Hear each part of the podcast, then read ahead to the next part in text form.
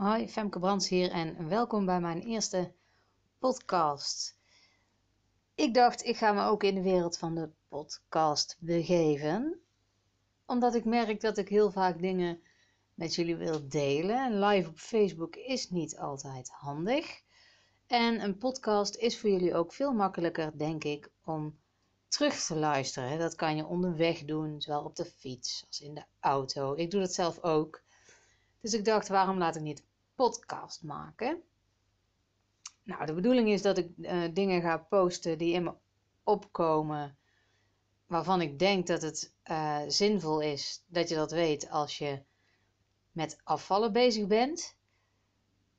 En dat kan dus van alles zijn. Dat kan over voeding zijn, dat kan over je mindset zijn, dat kan over mijn recente ervaringen zijn.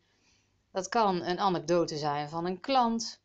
Uh, de ene podcast zal waarschijnlijk iets langer zijn dan de andere. Ik ga daar zelf ook nog even mijn vorm in, uh, mijn weg in moeten vinden. Maar het lijkt me heel leuk om te doen, ook om mijn hersenspinsels een plek te geven.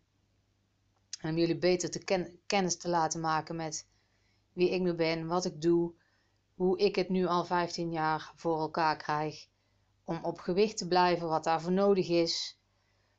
Dat het soms niet makkelijk is. En hoe dat ik me daar dan doorheen sla. En welke tips ik klanten dan ook geef. Nou ja, een beetje dat idee. Het doel is om dat toch minimaal één keer in de week te gaan doen. En uh, nou ja, ik heb er zin in. Laten we kijken wat het brengt.